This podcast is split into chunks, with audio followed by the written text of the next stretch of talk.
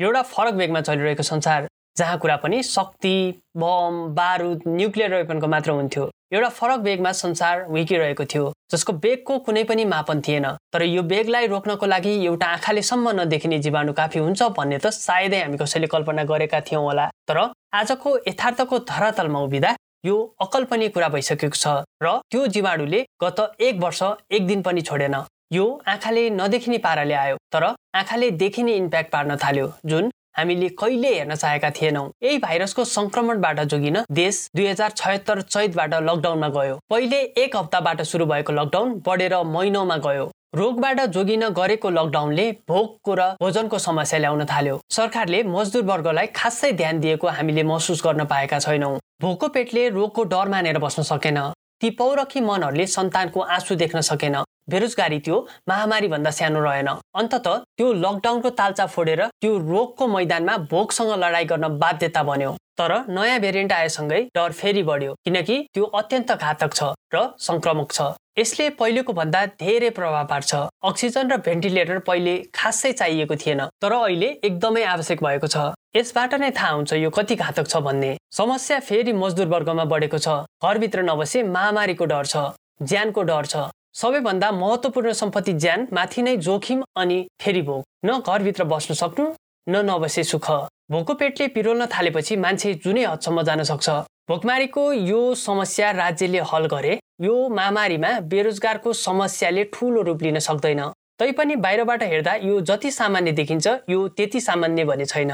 School college fee औषधि उपचार यस्तो धेरै समस्या यो महामारी र त्यसले ल्याएको बेरोजगारीले निम्ताउन सक्छ। अझै भन्नुपर्दा निम्ताइसकेको छ। यो महामारीसँग लड्न स्वास्थ्य सतर्कता मापदण्डलाई अप्नाउनुको विकल्प देखिँदैन। लामो समय लकडाउन भए घरभित्रको बेरोजगारी र घर बाहिरको महामारीले मानिसलाई बाँच्न नै गाह्रो बनाउँछ। घरभित्रको समस्यालाई समाधान गर्न घर बाहिर जान पर्ने हो। यो महामारीको बेला घरभित्र आउने समस्या समाधान गर्न सरकारले सहयोग गरे घरभित्र बेरोजगारीले ठुलो रूप लिन सक्दैन। न त घर बाहिरको महामारीले नै ठुलो रूप लिन सक्छ। आउनुहोस् आज हामी यही समस्याले सबैभन्दा धेरै पीडित मजदुर वर्गहरूको कुरा गरौँ। उनीहरूको समस्या र अवस्था बारे अनि उनीहरूप्रतिको सरकारको दायित्वको चर्चा गरौँ।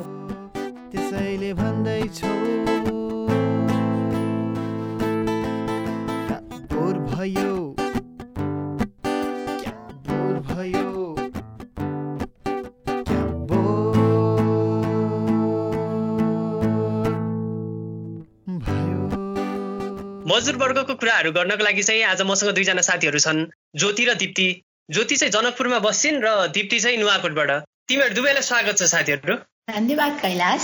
धन्यवाद कैलाश। साथीहरू आजको स्थिति हेर्ने हो भने चाहिँ मजदुर वर्गको नागरिकहरू छन् नि जो चाहिँ उनीहरू चाहिँ एकदमै बारमा परेको चाहिँ म देख्छु। तिमीहरूले पनि त्यो महसुस गरिरहेकै होला हो होइन? बिहान बेलुका छाक टार्न नै धौधौ छ कतिलाई त। तर ती नागरिकहरूको पीडा बुझ्ने र ती नागरिकहरूको पीडामा मलमपट्टि लगाउने चाहिँ हामीले हाम्रो सरकार चाहिँ त्यति द्रुत गतिमा र प्रोएक्टिभ तरिकाले महसुस गर्न चाहिँ सकेका छैनौँ जस्तो लाग्छ मलाई होइन? अनि हाम्रो प्रतिपक्षहरू पनि खासै त्यति एक्टिभ भएको हामीले यो समयमा चाहिँ देख्न सकेका छैनौँ। प्रतिपक्षले पनि मजदुर वर्गको कुराहरू चाहिँ जोरदार रूपमा चाहिँ उनीहरूले आवाज उठाउन सकेको छ जस्तो लाग्दैन मलाई र मैले महसुस गर्न नसके पनि हुन सक्छु निबुखा जनताहरूको लागि भनेर चाहिँ राजनीति गर्छन् नि त हाम्रो प्राय सबै यो नेताहरूको भाषण र नेताहरूको मुख्य हामीलाई भन्ने हामीलाई भोट माग्न आउँदाखेरि भन्ने चाहिँ हामी राजनीति चाहिँ जनताको लागि गर्छौँ देशका लागि गर्छौँ भन्ने हुन्छ। तर हकिकतमा चाहिँ हामीले त्यो कुराहरू महसुस गर्न सकेका छैनौँ त्यो देख्न सकेका छैनौँ। किनभने धेरै मान्छेहरू चाहिँ अहिले मारमा छन्। त्यसको लागि चाहिँ हामीले न सरकार पक्षले न सत्ता पक्षले न त प्रतिपक्षले नै यसको लागि चाहिँ जोरदार आवाज उठाएको र एकदम प्रोएक्टिभ तरिकाले काम गरेको महसुस गर्न सकेका छौँ।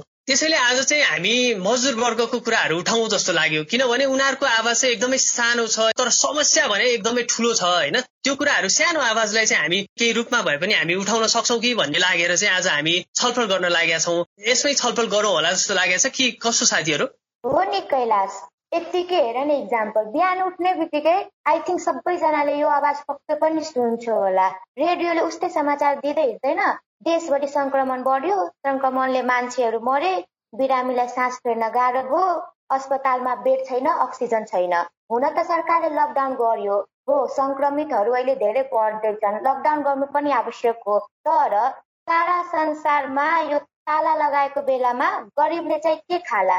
यो क्वेसन त पक्कै पनि सरकारले सोच्नु पर्यो नि अब अस्तिकै भन्नु पर्दाखेरि म अस्ति मम्मीसँग हस्पिटल गएको थिएँ चेकअप गराउनको लागि औषधिहरू लिइसकेपछि अब हस्पिटल रोडमा प्रायः धेरै जस्तो डक्टरहरूको क्लिनिक छ अनि त्यही साइड साइडमा त्यो ठेलामा फलफुल बेच्ने दाई दिदीहरू हुनुहुन्थ्यो। अनि यता हामी औषधि लिँदै जाँदा ठ्याक्क होइन ठेलामा दाई दिदीहरूले फलफुल बेच्दै हुनुहुन्थ्यो। अनि एक्कासी पुलिसको गाडी आयो अनि उहाँहरूलाई सबैजनालाई लिएर चौकीमा जानुभयो। अब एकछिन त म टुवा पऱ्यो क्या। अब एकछिन म सोचे पनि पुलिसहरू कस्तो निर्दय हो। बेचारा यस्तो गरिबहरूलाई खान दिनु नि अब यस्तो लकडाउन एक महिना दुई महिना भएको त अब कति दिन भइसक्यो? अब उहाँहरूलाई पनि परिवार चलाउन त अब काम त गर्नु पर्यो। अनि त्यसपछि अब दुई तिनजना अङ्कलले त अब यस्तो कुरा पनि गर्नु भएको थियो। अब यिनीहरूलाई वार्निङ दिन्छन् पुलिसहरूले तर यिनीहरूले पनि पुरा काम टाइम लिमिटेड त यति यति बजेदेखि यति बजीसम्म सामान बेच। अब हामीले कतिपल्ट सम्झाउँछौँ पनि यसरी तपाईँहरू भिडभाड भएको ठाउँमा एकैचोटि सबैजना आएर नबेच्नु यस्तो अलिक गल्लीहरूमा गएर बेच्नु या त डिस्टान्स मेन्टेन गरेर बेच्नु अब उनीहरूले पनि कुरा मान्दैनन्। अब एक टाइपले मैले सोचे पनि अब यसमा गल्ती चाहिँ कसको भन्ने? अब पुलिसले उनीहरूलाई सामान बेच्न दिएन।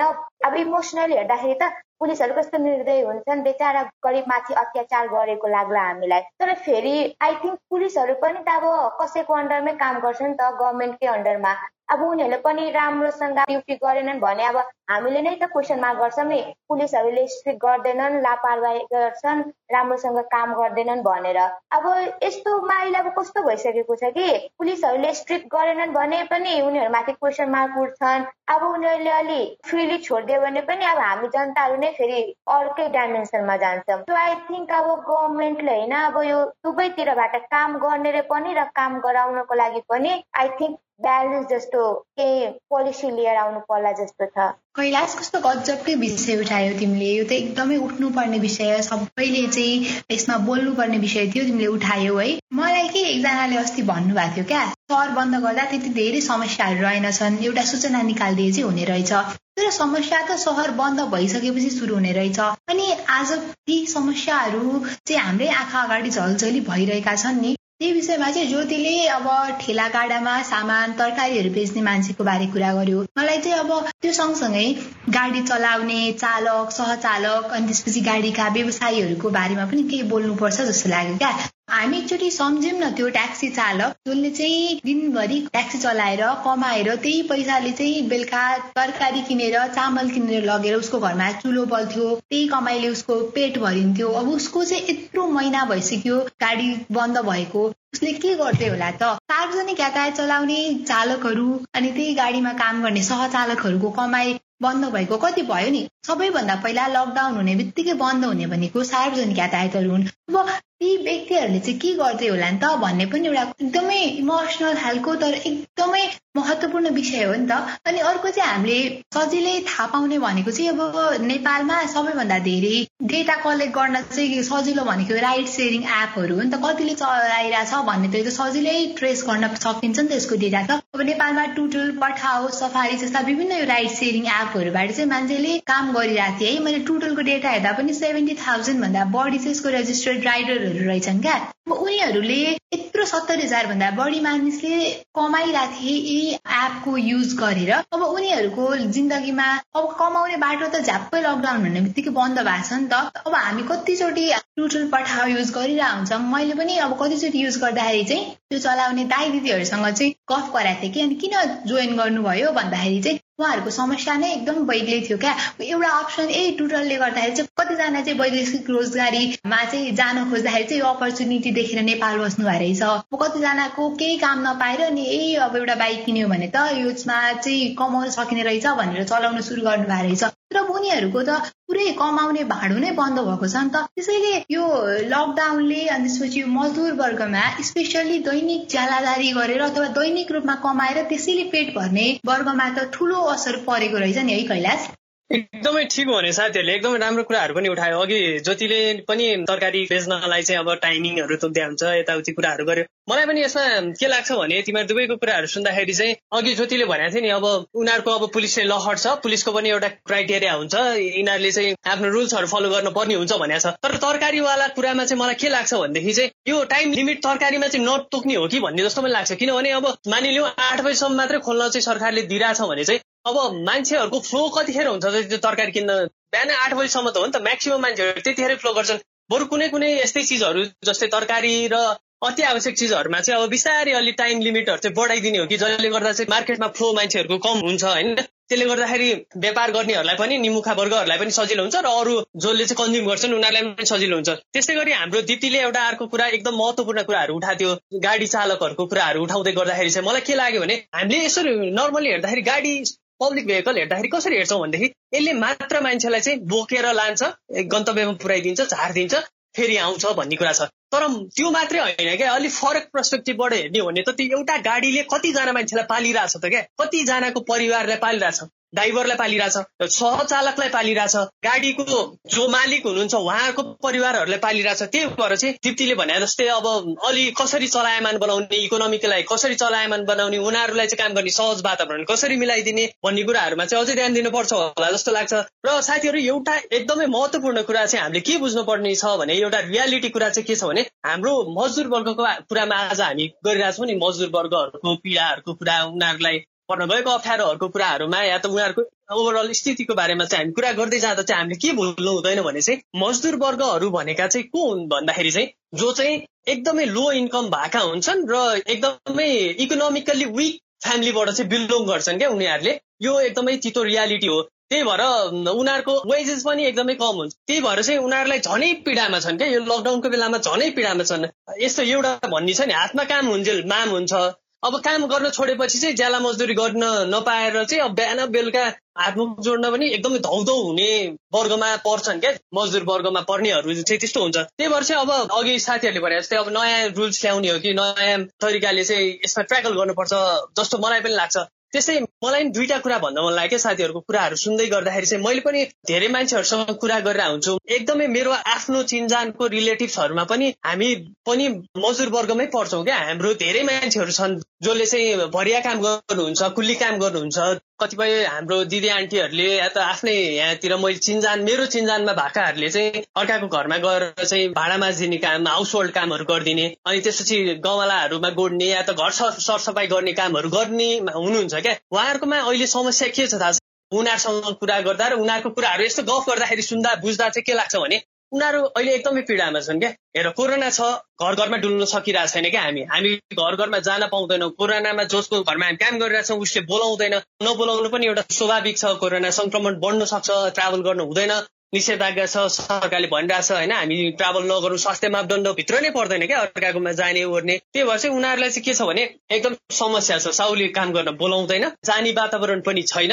र अब काम नगरिकन चाहिँ सहज जिन्दगी बाँच्न पनि गाह्रो छ क्या। उनीहरूलाई एकदम पीडा फ्रस्ट्रेसन पनि हुनसक्छ। होइन? त्यो समस्या देख्छु र अर्को समस्या भने चाहिँ मेरो यो हिजोतिर नै मैले एकजना दाई चाहिँ हाम्रो पवन दाई हुनुहुन्छ उहाँ चाहिँ नाईको काम गर्नुहुन्छ होइन? यही चाहिँ कोषमा छ उहाँको पसल। अनि त्यसपछि उहाँ चाहिँ हाम्रो गाउँतिर तल बाँडस्थलीतिर चाहिँ आउनुभयो। अनि उहाँ चाहिँ कपाल काट्न कसैले बोलाएर रहेछ उहाँलाई होइन? अनि बोलाउँदा अनि कपाल काट्ने हो भाइ भन्नुभएको थियो। म एघार बजीतिर त्यही खाना खाएर एकछिन बसिरहेको थिएँ त्यहाँ बाहिर। अनि त्यसपछि काट्दिनँ म अहिले। अब यस्तो बेलामा के काटिरहनु? तपाईँ कहाँ गएर आउँदा भनेर यसो भन्दाखेरि तल मान्छेले बोलाएको थियो कपाल काट्न। भन्ने अनि उहाँको नि यसो एउटा छुट्टै पीडा छ क्या। पहिला पनि मैले कुरा थिएँ फर्स्ट लकडाउनमा उहाँ आफै कोरोना संक्रमित पनि हुनुहुन्थ्यो। त्यतिखेर पनि मैले कुरा गर्दा चाहिँ भाइ अब के गर्ने?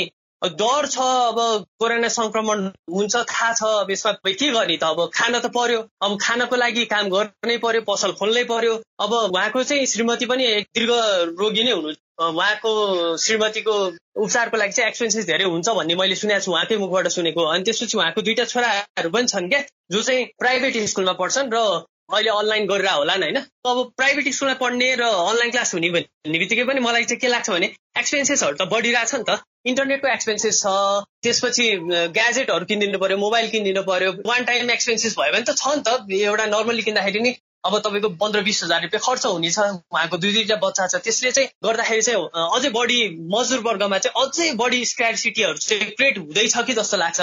मलाई चाहिँ के लाग्छ भने अब चाहिँ हामीमा गरिबीको रेट पनि अब एकदमै बढ्दै जान्छ जस्तो लाग्छ होइन? अब स्क्यारिसिटी छ भोकमारी छ काम पा छैनन् बेरोजगार भइरहेछन्। त्यही भएर चाहिँ अघि साथीहरूले भने जस्तै अब केही गर्नुपर्छ सरकारले एउटा प्रोएक्टिभ कदम चाहिँ चाल्नुपर्छ जस्तो लाग्छ मलाई चाहिँ। के लाग्छ तिमीहरूलाई चाहिँ? तिमीले यसलाई कसरी हेरेका छौ त साथीहरू? म कैलाशले भर्खरै भनेको कुरा के यो गरिबी चाहिँ बडा छ भनेर चाहिँ मलाई कस्तो एउटा स्टोरी वा दिदीको बेथा भनौँ न चाहिँ माइन्डमा स्ट्राइक गरिहाल्यो के।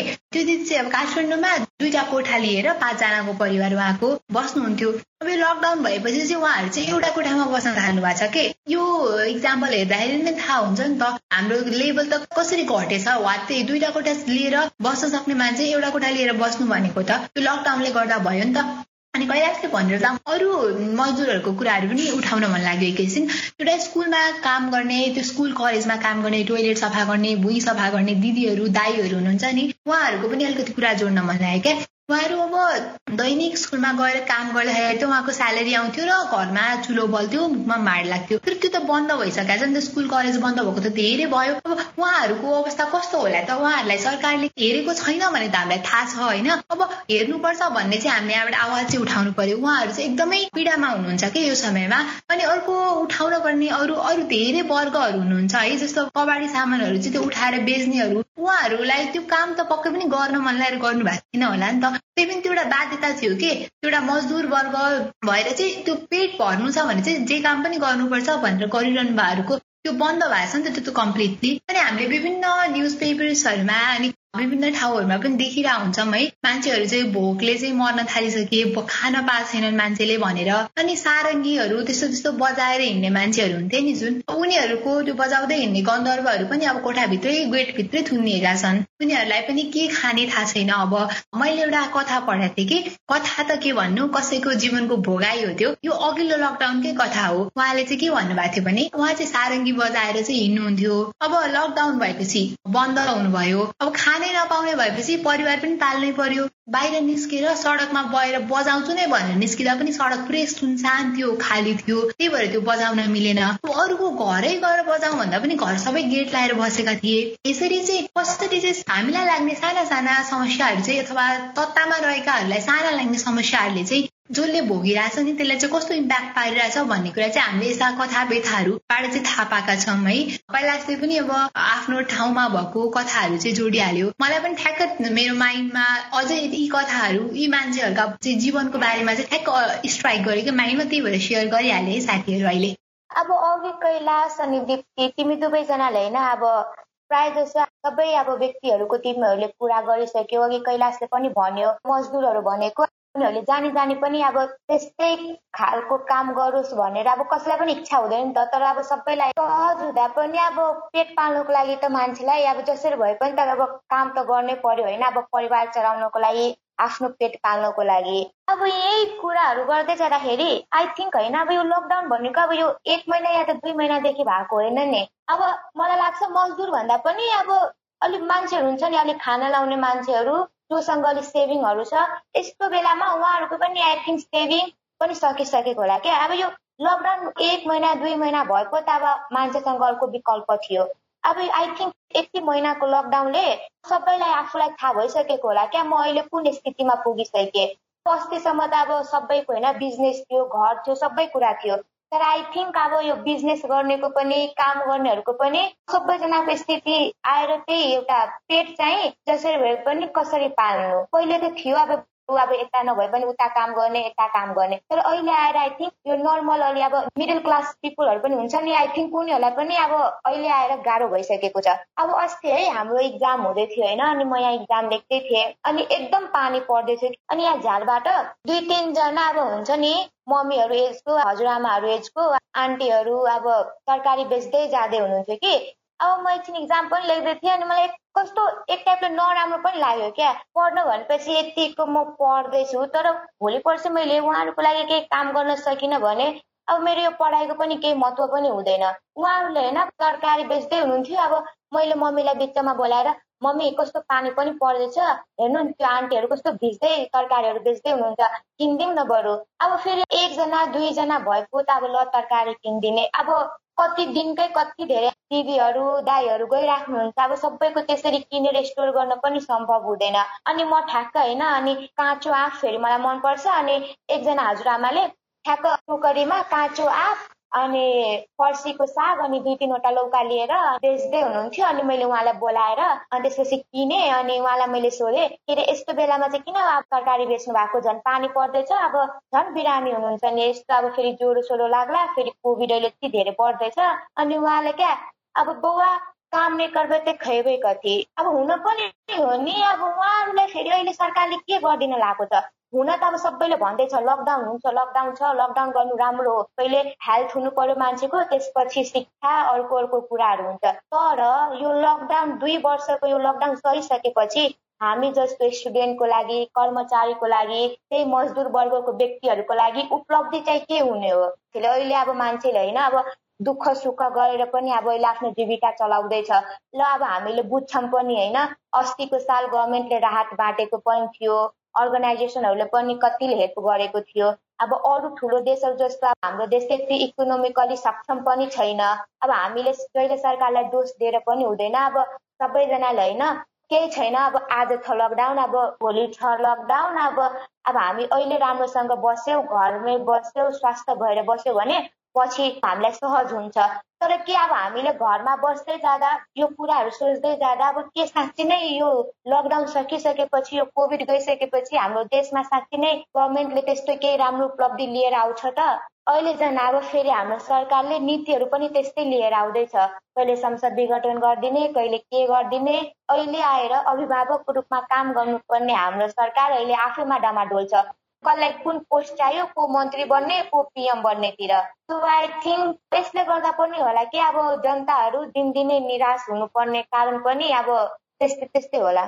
साथीहरू तिमीहरूले भने जस्तै अहिले एकदमै धेरै समस्याहरू म पनि देख्छु होइन? अघि ज्योतिले भन्दै गर्दाखेरि चाहिँ सरकार आफ्नो कुर्सीको दाउ पेजमा मात्रै लागिरहेछ होइन?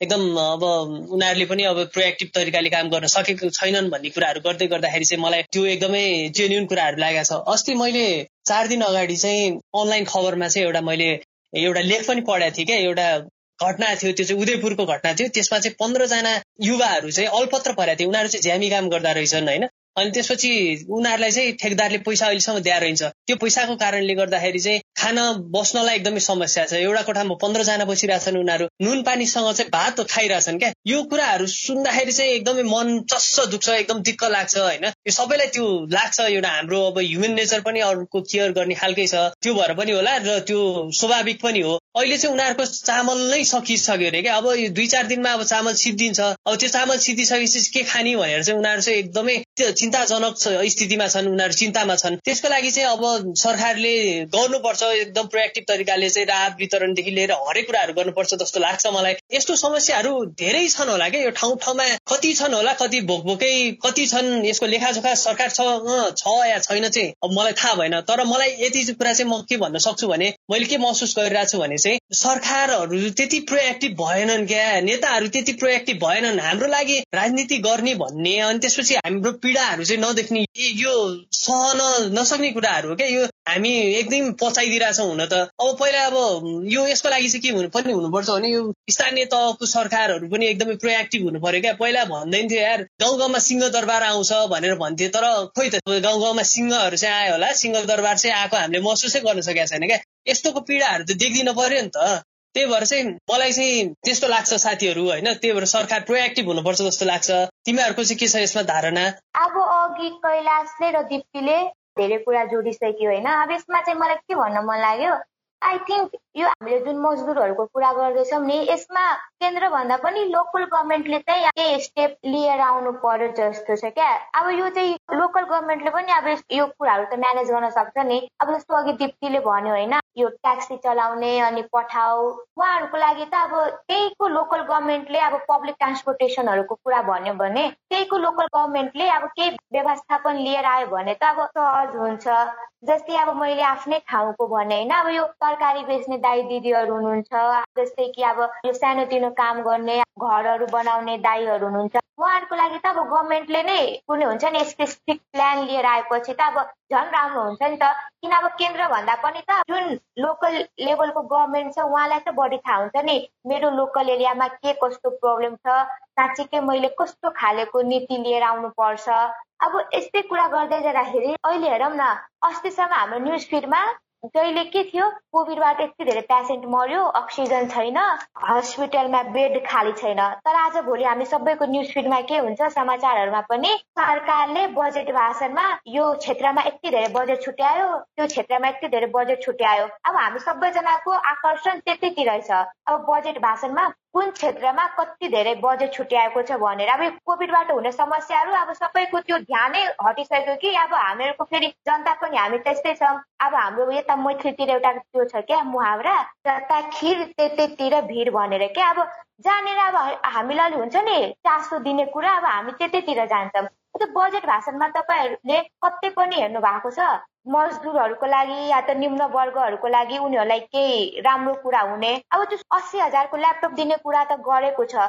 तर त्यो ल्यापटप भोलि पर्सि त्यो गाउँको भाइ बहिनीहरूले पाउने हो त। मलाई त लाग्दैन उनीहरूलाई थाहा पनि छ या त उनीहरूले पाउँछन् होला पनि। यो सरकारले नियम त लिएर आउँछ नि तर त्यसलाई इम्प्लिमेन्ट पनि गर्नु पर्यो नि। अब अस्ति नै हेरौँ न अस्ति इन्डियामा होइन केजरीवालको सरकारले जति पनि ट्याक्सी चलाउने यो अटो रिक्सा चलाउने मान्छेहरू छन् सबैजनालाई चाहिँ दस दस हजार चाहिँ पैसा दिने भन्नुभएको छ। अब जति पनि स्टुडेन्टहरू या त बच्चाहरूले आफ्नो प्यारेन्ट्सहरू गुमाएका छन् नि कोभिडले गर्दा उनीहरूलाई पनि एजुकेसन फ्री गरिदिने। हाम्रो गभर्मेन्टले त्यस्तो कुनै पनि हुन्छ नि एउटा प्लान लिएर आएको छ? या त हुन्छ नि एउटा आश्वासन जस्तो हो हामी छौँ तपाईँहरूलाई केही बिमार पर्यो भने हामी अहिले नभए पनि पछि हेल्प गर्छौँ भनेर।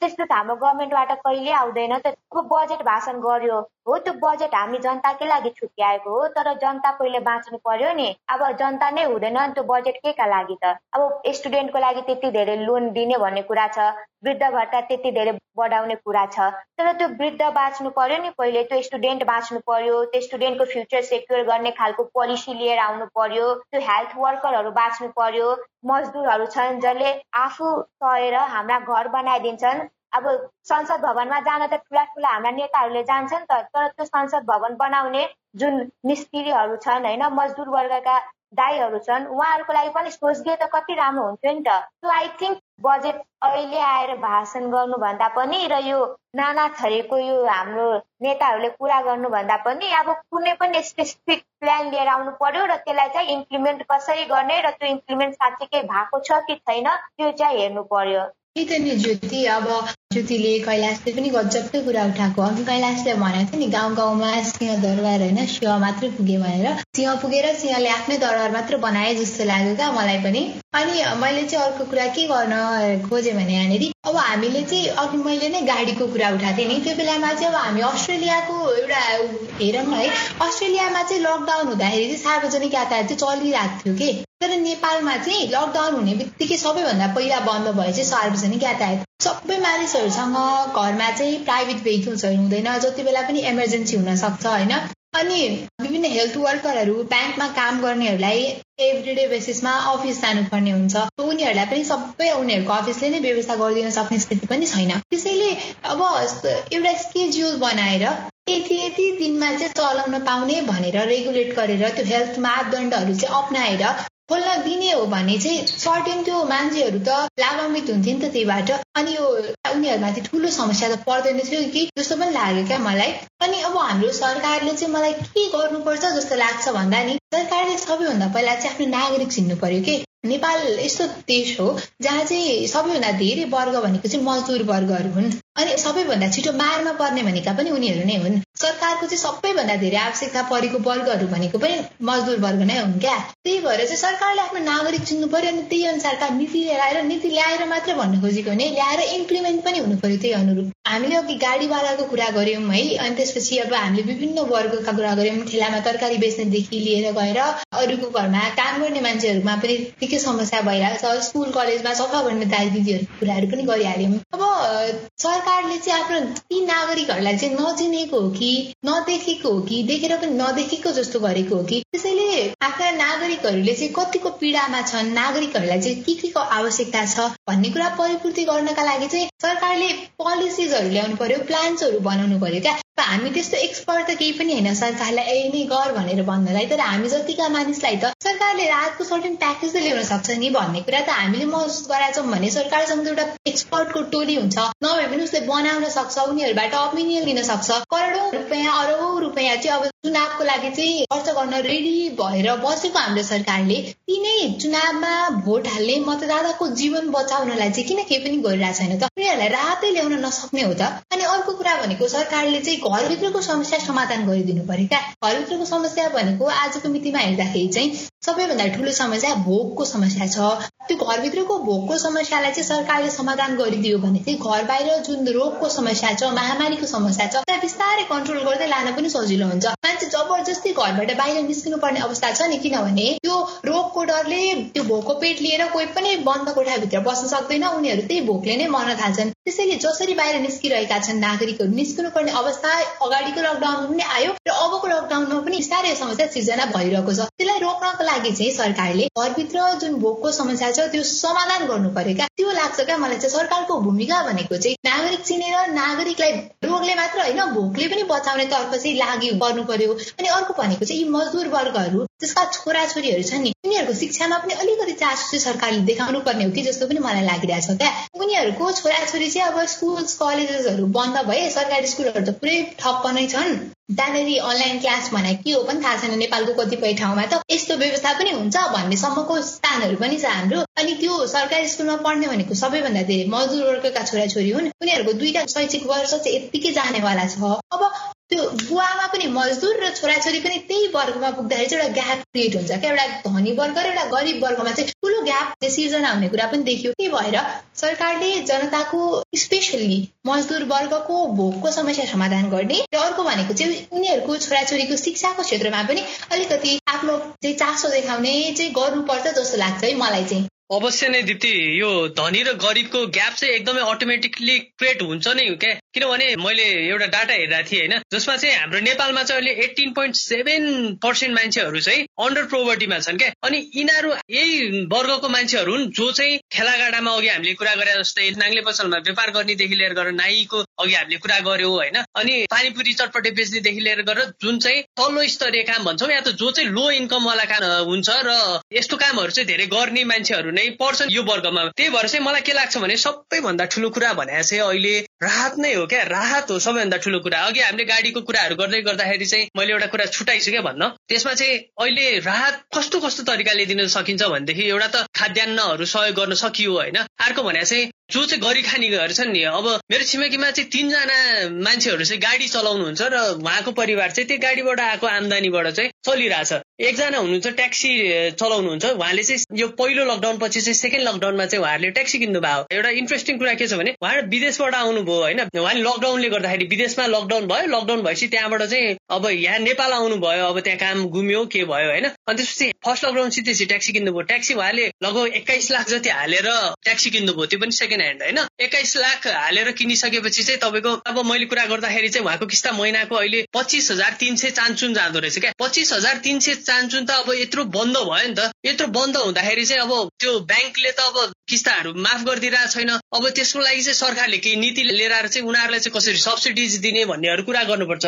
जस्तै अर्को एकजना हुनुहुन्छ उहाँ चाहिँ मालबाग गाडीहरू चलाउनुहुन्छ। उहाँले पनि एउटा टाटा एसको गाडी किन्नु भएको छ। त्यो टाटा एसको गाडीमा पनि उहाँको किस्ता तिर्नुपर्ने हुन्छ। उहाँ पहिलेदेखि चलाइरहनु भएको लकडाउन अगाडि पहिलो लकडाउन भन्दा अगाडि पनि व्यावसायिक रूपमै उहाँले गाडी चलाउँदै आउनु भएको मान्छे हो होइन? उहाँले पनि किस्ता तिर्नुपर्छ। बाइस हजार चान्चुन भन्दै हुनुहुन्थ्यो। मैले पर्सनली कुरा गर्दाखेरि उहाँ त झनै पहिलो लकडाउनदेखि नै त्यत्रो बन्द भयो एक सय बिस दिनभन्दा बढी लकडाउन भयो राम्ररी व्यापारहरू सञ्चालन हुन सकेका थिएन होइन? त्यसपछि फेरि सेकेन्ड लकडाउन हुँदाखेरि चाहिँ उहाँहरू एकदम मारमा हुनुहुन्छ क्या। उहाँहरूको किस्तै तिन चार लाख रुपियाँ पुगिसक्यो किस्तै तिर्न पर्ने तर कमाइ भने शून्य छ। त्यसले गर्दाखेरि चाहिँ के लाग्छ मलाई भनेदेखि सरकारहरूले यस्तो कुराहरूमा नै नीतिहरू ल्याइदिनु पर्यो क्या। अब सार्वजनिक यातायातवाला गाडीको कुराहरू चाहिँ हामीले गरिसक्यौँ त्यो सञ्चालन राम्ररी हुन सक्यो भनेदेखि धेरै कुरामा अघि दिप्तीले जोड्या थियो स्वास्थ्य मापदण्डहरू पालना गरेर चाहिँ बिस्तारै खुकुलो बनाएर लाने हो भने चाहिँ उसले अस्ट्रेलियाको पनि इक्जाम्पल दिएको थियो होइन। त्यो हुने भने चाहिँ स्थितिहरू अलि अझै बेटर हुँदै जान्छ जस्तो लाग्छ। अनि साथीहरूले कतिको महसुस गरिरहेछ क्या? अहिले कति महँगी बढेको क्या? कति महँगी बढेको? एउटा तेल छ नि तिम्रो। एक लिटर तेलको चाहिँ मैले एक हप्ताको अन्तरालमा नै दस पन्ध्र रुपियाँ बढेको महसुस गरिसकेको छु क्या। किनभने मैले आजभन्दा एक हप्ता अगाडि मैले चाहिँ तेल किन्दाखेरि दुई सय पचास रुपियाँ लिटर थियो होइन। हिजो अस्तितिर किन्न जाँदाखेरि चाहिँ फेरि दुई सय पैँसठी रुपियाँ लिटर चाहिँ हामीले खानी तेल किनेर ल्याउनु परेको थियो। अब यसमा चाहिँ एकदमै सबैभन्दा मजदुर वर्ग नै सबैभन्दा कम पैसा कमाउने। अनि त्यसपछि महँगी पनि त्यही अनुसार बढाएको छ। अब धनी वर्गहरूले मिडल क्लासको मान्छेहरूले चाहिँ उनीहरूलाई नि इम्प्याक्ट छ तर उनीहरूले चाहिँ केही समयसम्म त सस्टेन हुनु सक्ला नि। तर यो बिहान बेलुका काम गरेर हातमुख जोड्न पर्ने मान्छेहरूलाई त यो महँगीले पनि गर्दाखेरि पनि एकदमै इम्प्याक्ट पारेको छ जस्तो लाग्छ क्या। अरू चिजमा महँगी बढेर त केही भएन। नुन र तेलमा त महँगी बढ्नु भएन नि त। अरू चिजमा बढ्दाखेरि केही इम्प्याक्ट पर्छ तर नुन र तेलमै महँगी बढ्यो भने त हामीलाई अझै एकदमै समस्या हुन्छ। यो वर्गलाई झनै समस्या हुन्छ। त्यही भएर सरकारले पनि यो महँगी कसरी घटाउने या त यस्तो नीति ल्याउनु पर्यो या त यसरी राहत बाँड्नु पर्यो क्या? मैले अघि कुरा नि उठाएको थिएँ दिप्तीले नि उठाएको थियो स्थानीय तहको मान्छेहरू प्रोएक्टिभ हुनु पर्यो। अस्तिको पालि त एकदमै धेरै राहतहरू बाँडिरहेको थियो नि तिनीहरूले। को को मान्छेलाई बाँडेको थियो कुन कुन वर्गका थिए के के काम गर्ने मान्छेलाई चाहिँ हामीले राहत बाँडेको थियौँ। यो कुराहरूको उनीहरूसँग लिस्टिङ छ होला हुनुपर्छ। त्यो अनुसार चाहिँ यो मान्छेहरूलाई यसरी दुःख परिरहेछ भनेर चाहिँ राहतको नुन तेलको जुहो एउटा खानेकुराको जुहोहरू त गरिदिनु पर्यो नि त भन्ने कुरा हो। र त्यो सरकारले एकदमै गर्नलाई चाहिँ अहिले एकदमै जरुरी देखाएको छु मैले होइन। अब अघि स्कुलहरूको कुराहरू भयो स्कुलहरू एकदम बन्द छ बच्चाहरूले पढ्न पाएनन् एउटा यस्तो वर्ग पनि छ क्या। बिहान बेलुका काम गरेर भात खान पर्ने वर्ग छ जसको चाहिँ उहाँहरूले चाहिँ आफूले गरे जस्तै आफ्नो छोराहरूले गर्न नपरोस् छोराछोरीले गर्न नपरोस् भनेर स्कुल पठाइरहेका वर्गहरू पनि छन् नि त। तिनीहरूकोमा नि अझै एकदमै धेरै समस्याहरू अझै क्रिएट भइरहेछ क्या। उनीहरूकोमा विभिन्न किसिमको स्कुल बन्द भएपछि उनीहरूको बच्चाहरूले पढ्न पाइरहेछन्। लगभग डेढ वर्ष भइसकेको छ यहाँ लकडाउन भएको। डेढ वर्षसम्म एउटा बच्चाले पढ्न नपाउनु भनेको साधारण कुरा होइन नि त। उसको पछिको लाइफमा समेत इम्प्याक्ट पर्छ। अघि दिप्तीले भने जस्तै उनीहरूको बाबुआमाले जे गर्यो छोराहरूले पनि त्यही गर्न बाध्य हुने चान्सेसहरू धेरै देखिन्छ होइन? त्यसपछि अर्को भनेको चाहिँ यसले एकदमै धेरै लङ टर्म इफेक्ट पार्नेवाला छ क्या। यसको लागि चाहिँ सरकारले एकदमै प्रोएक्टिभ भएर चाहिँ काम गर्नुपर्छ जस्तो मलाई लाग्छ होइन? अनि त्यसपछि म यसैबाट भन्न चाहन्छु नेता जन सबैजनालाई चाहिँ के हो भनेदेखि खालि आफ्नो स्वार्थको लागि मात्रै कति मिटिङ बस्ने क्या? यो जनताहरूको लागि हक हितमा यो मजदुर वर्गको लागि कसरी उनीहरूको लागि चाहिँ रोजगार गुमिरह होला त्यो रोजगार जोगाइदिनको लागि खाना नपाइरह होला खाना दिनको लागि चाहिँ केही न केही गर्नु पर्यो मिटिङ बसिदिनु पर्यो क्या त्यसको लागि पनि। अब तपाईँहरूको लागि मात्रै तपाईँहरूको कुर्सीको लागि तपाईँहरूको राजनीतिक मुद्दाहरूको लागि मात्रै धेरै एक्टिभ हुनुभयो तपाईँहरू। अब चाहिँ हाम्रो लागि या त मजदुर वर्गहरूको लागि पनि एकदमै प्रोएक्टिभ भएर काम गर्न पर्छ जस्तो लाग्छ सरकारले अब चाहिँ होइन? किनभने हाम्रो अहिलेको स्थितिमै अहिलेको डाटा नै हेर्ने हो भने पनि अघि नै मैले भनिसकेँ एटिन पोइन्ट सेभेन पर्सेन्ट मान्छे चाहिँ अन्डर प्रोभर्टीमा छन् र अब फेरि यो क्रम चाहिँ बढ्दै जानेछ। सरकारले एकचोटि के भनेको थियो भने अब हामी यति वर्षभित्रमा चाहिँ हाम्रो नेपाल चाहिँ गरिबी मुक्त हुने देश भनेको थियो। त्यो भनेको कुराहरू अब पुरा हुन एकदमै गाह्रो छ क्या किनभने यो पेन्डेमिक अझै डेढ वर्ष लामो पेन्डेमिक अझै यसले कति इम्प्याक्ट पार्ने हो कति वर्षसम्म इम्प्याक्ट पार्ने भयो किनभने धेरै मान्छेहरूको जागिर गइसकेको छ क्या अहिले। अब सरकारले चाहिँ केमा ध्यान दिनु पर्यो भने यो धेरै जागिर गुमिरहेकोहरूको लागि लागि चाहिँ अब कसरी चाहिँ यिनीहरूलाई रिकभर गराउने र यिनीहरूको जागिर कसरी बचाउने यिनीहरूको आर्थिक स्थिति चाहिँ कसरी स्टेबल राख्ने र इकोनोमिकल कन्डिसनलाई चाहिँ कसरी चलायमान राख्ने भन्ने कुराहरूमा चाहिँ एकदमै धेरै ध्यान दिन जरुरी छ जस्तो मलाई लाग्छ साथीहरू होइन? अनि एउटा कुरा के छ भने अर्को इम्पोर्टेन्ट कुरा चाहिँ के छ भने मजदुर वर्गहरू जो छन् नि उनीहरूले चाहिँ हेल्थ र एजुकेसनमा चाहिँ खर्च गर्न सकिरहेको छैनन् क्या अहिले। हुन त अहिले हामी के कुरा गरिरहेछौँ भने खानालाई उनीहरूलाई समस्या छ।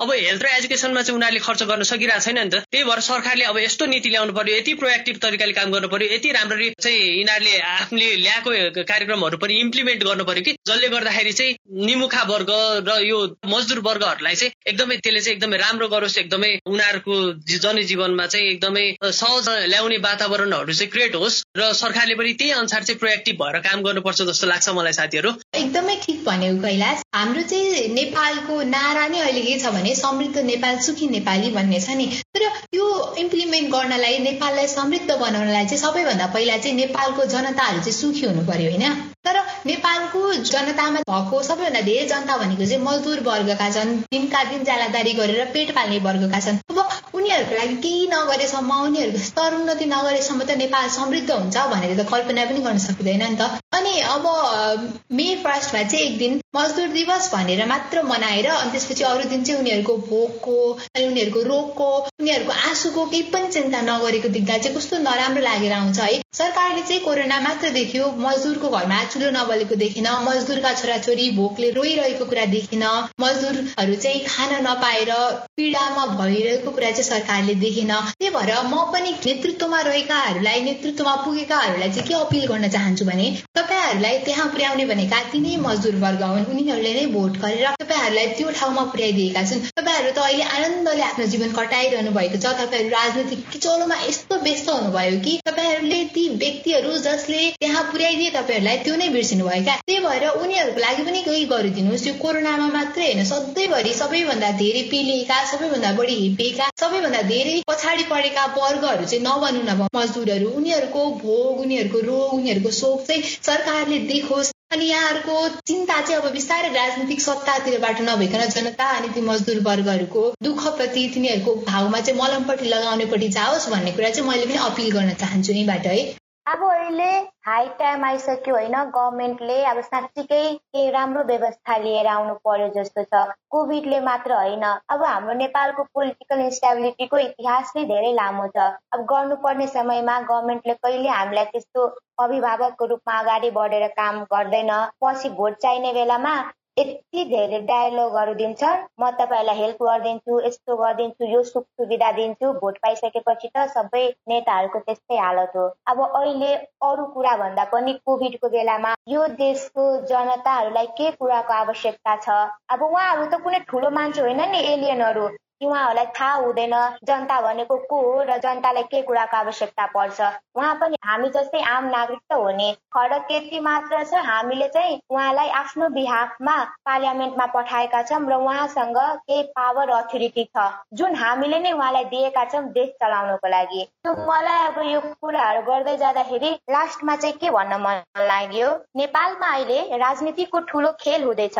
ती खेल खेल्ने खेलाडीलाई मलाई दुई शब्द भन्न मन लागेको छ। व्यवस्था ल्याउने तर व्यवस्थित कसले गर्ने? नीति त ल्याउने तर त्यो नीतिलाई नियमित रूपमा कार्यान्वयन कसले गर्ने? ए सरकार हामी अहिले बाँचौँला अनि पो तिमीलाई भोट दिउँला तिम्रो भोटको लोभ हटाऊ अनि मेरो पेट र स्वास्थ्य बचाऊ। म मरे तिमी पनि बदनाम हुन्छौ। म मरे तिमी पनि बदनाम हुन्छौ। म बाँचे पक्कै पनि तिमीले पनि सम्मान पाउँछौ। एकदम गजबको अहिले कुरा उठायो क्या हाम्रो ज्योतिले अहिले उठाउँदै गर्दाखेरि चाहिँ मलाई के लाग्यो भने चाहिँ सरकार भने एउटा अभिभावक हो नि त। हामी त सरकारलाई अभिभावक मान्छौँ। अभिभावकले चाहिँ हाम्रो दुःख पीडाहरूलाई चाहिँ देखिदिनु पर्यो महसुस गर्नु पर्यो क्या। अहिले खासै हामीलाई चुनावमा खासै अहिले हुन त चुनाव हुनुपर्छ एउटा लोकतान्त्रिक प्रोसेस होला एउटा चुनाव हुनुपर्छ डेमोक्रेसीमा होइन? तर अहिलेको निमुखा वर्गको प्रायोरिटी के हो त? कसलाई के छ यार? मलाई त खासै भन्यो भने चुनावमा खासै इन्ट्रेस्टै छैन क्या। अहिलेको समस्या भने के हो? अहिलेको समस्या फुलफिल भयो भने पो अनि त्यहाँबाट केही मुद्दा लिएर गएर चाहिँ हामीले यो गरेका थियौँ भन्न सक्लान् उनीहरूले यो एजेन्डा देखाउन सक्लान्। पहिला उनीहरूले भने जस्तै चाहिँ जनताहरूको लागि चाहिँ उनीहरूले काम गर्नु पर्यो। निमुखाहरूको चाहिँ मुखमा माड कसरी लाउन सक्छन् भन्ने कुराहरू चाहिँ गर्नु पर्यो। खालि हाम्रो यत्रो ठुलो लार्ज पपुलेसन चाहिँ जो चाहिँ अहिले निमुखा वर्गमा छन् जो चाहिँ अन्डर प्रोभर्टी छन् जो चाहिँ बिहान बेलुका काम गरेर चाहिँ हातमुख जोड्न पर्ने स्थितिमा छन् उनीहरूलाई चाहिँ खालि हाम्रो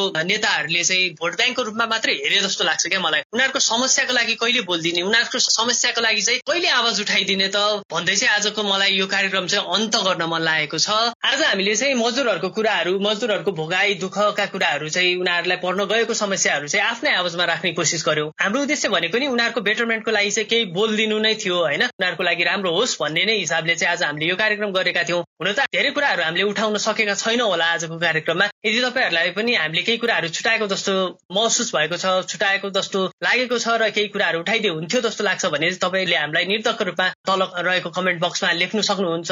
जसले गर्दाखेरि चाहिँ हामी आगामी एपिसोडमा चाहिँ एकदम जोरदार रूपमा चाहिँ हामीले यो कुराहरूलाई अझै प्रष्ट रूपमा चाहिँ उठाउन सक्छौँ भन्ने लागेको छ। आगामी हाम्रो कार्यक्रमहरूमा पनि यस्ता यस्तै विषयहरू चाहिँ हामी लिएर आउने नै छौँ। यदि तपाईँहरूलाई यो पोडकास्ट क्या बोर भयो राम्रो लागेको छ भने तपाईँहरूको साथी साथीहरूलाई सेयर गर्न नभुल्नु होला अनि सल्लाह सुझाव दिनु परेमा तल रहेको कमेन्ट बक्समा चाहिँ तपाईँहरूले लेख्न सक्नुहुनेछ। अब केही दिनमा चाहिँ लकडाउनहरू बिस्तारै खुकुलो हुँदै जान सक्छ। तर लकडाउन खुकुलो भयो भन्दैमा चाहिँ स्वास्थ्य मापदण्डहरू चाहिँ पालना गर्न नभुल्नु होला। मास्क सधैँ लगाइरहनु होला। भिडभाडमा त्यति नजानु होला। अति आवश्यक काम परेमा मात्रै जानु होला। नत्र फेरि संक्रमण बन्नेछ। फेरि हामी जनताहरूले दुःख पाउनेछौँ। फेरि घरमै थन्किन पर्नेछ। लकडाउन थपिनेछ। दुई दिन चरणको यो लकडाउन भइसकेका छ। अब चाहिँ फेरि अर्को चरणको लकडाउन चाहिँ हामी जनताहरूले हामी सर्वसाधारणले निमुखा वर्गले हामीले अघि कुरा गरेको जस्तै मजदुर वर्गहरूले अझै थेक्न सक्दैनन्। त्यसैले सबैले चाहिँ स्वास्थ्य मापदण्ड पालना गरिदिनु होला। यति भन्दै आज म विदा हुन चाहन्छु। Good bye stay safe stay aware thank you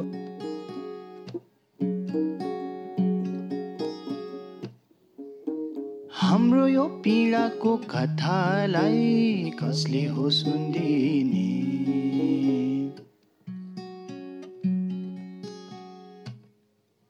हाम्रो यो पीडाको कथालाई कसले हो सुनिदिने? सरकारले बुझ्न नसक्या कुरा कसले हो बुझिदिने? सरकारले बुझ्न नसक्या कुरा कसले हो बुझिदिने? राह छैन भरोसा छैन कसरी बाँचुमा काम गुम्यो मनभरि पीडा छ कसरी हाँसुमा? भित्रै बसु कोरोना होइन भोकैले मर्छौँ कि? हे सरकार देखेरै पनि नदेख्या गर्छौ नि। हाम्रो यो पीडाको कथालाई कसले हो सुनिदिने? हाम्रो यो पीडाको कथालाई कसले हो सुनिदिने? कान्थुनी बसेको सरकारको कान कसले हो खोलिदिने? कान्थुनी बसेको सरकारको कान कसले हो खोलिदिने? कसले हो सुनिदिने? कसले हो खोलिदिने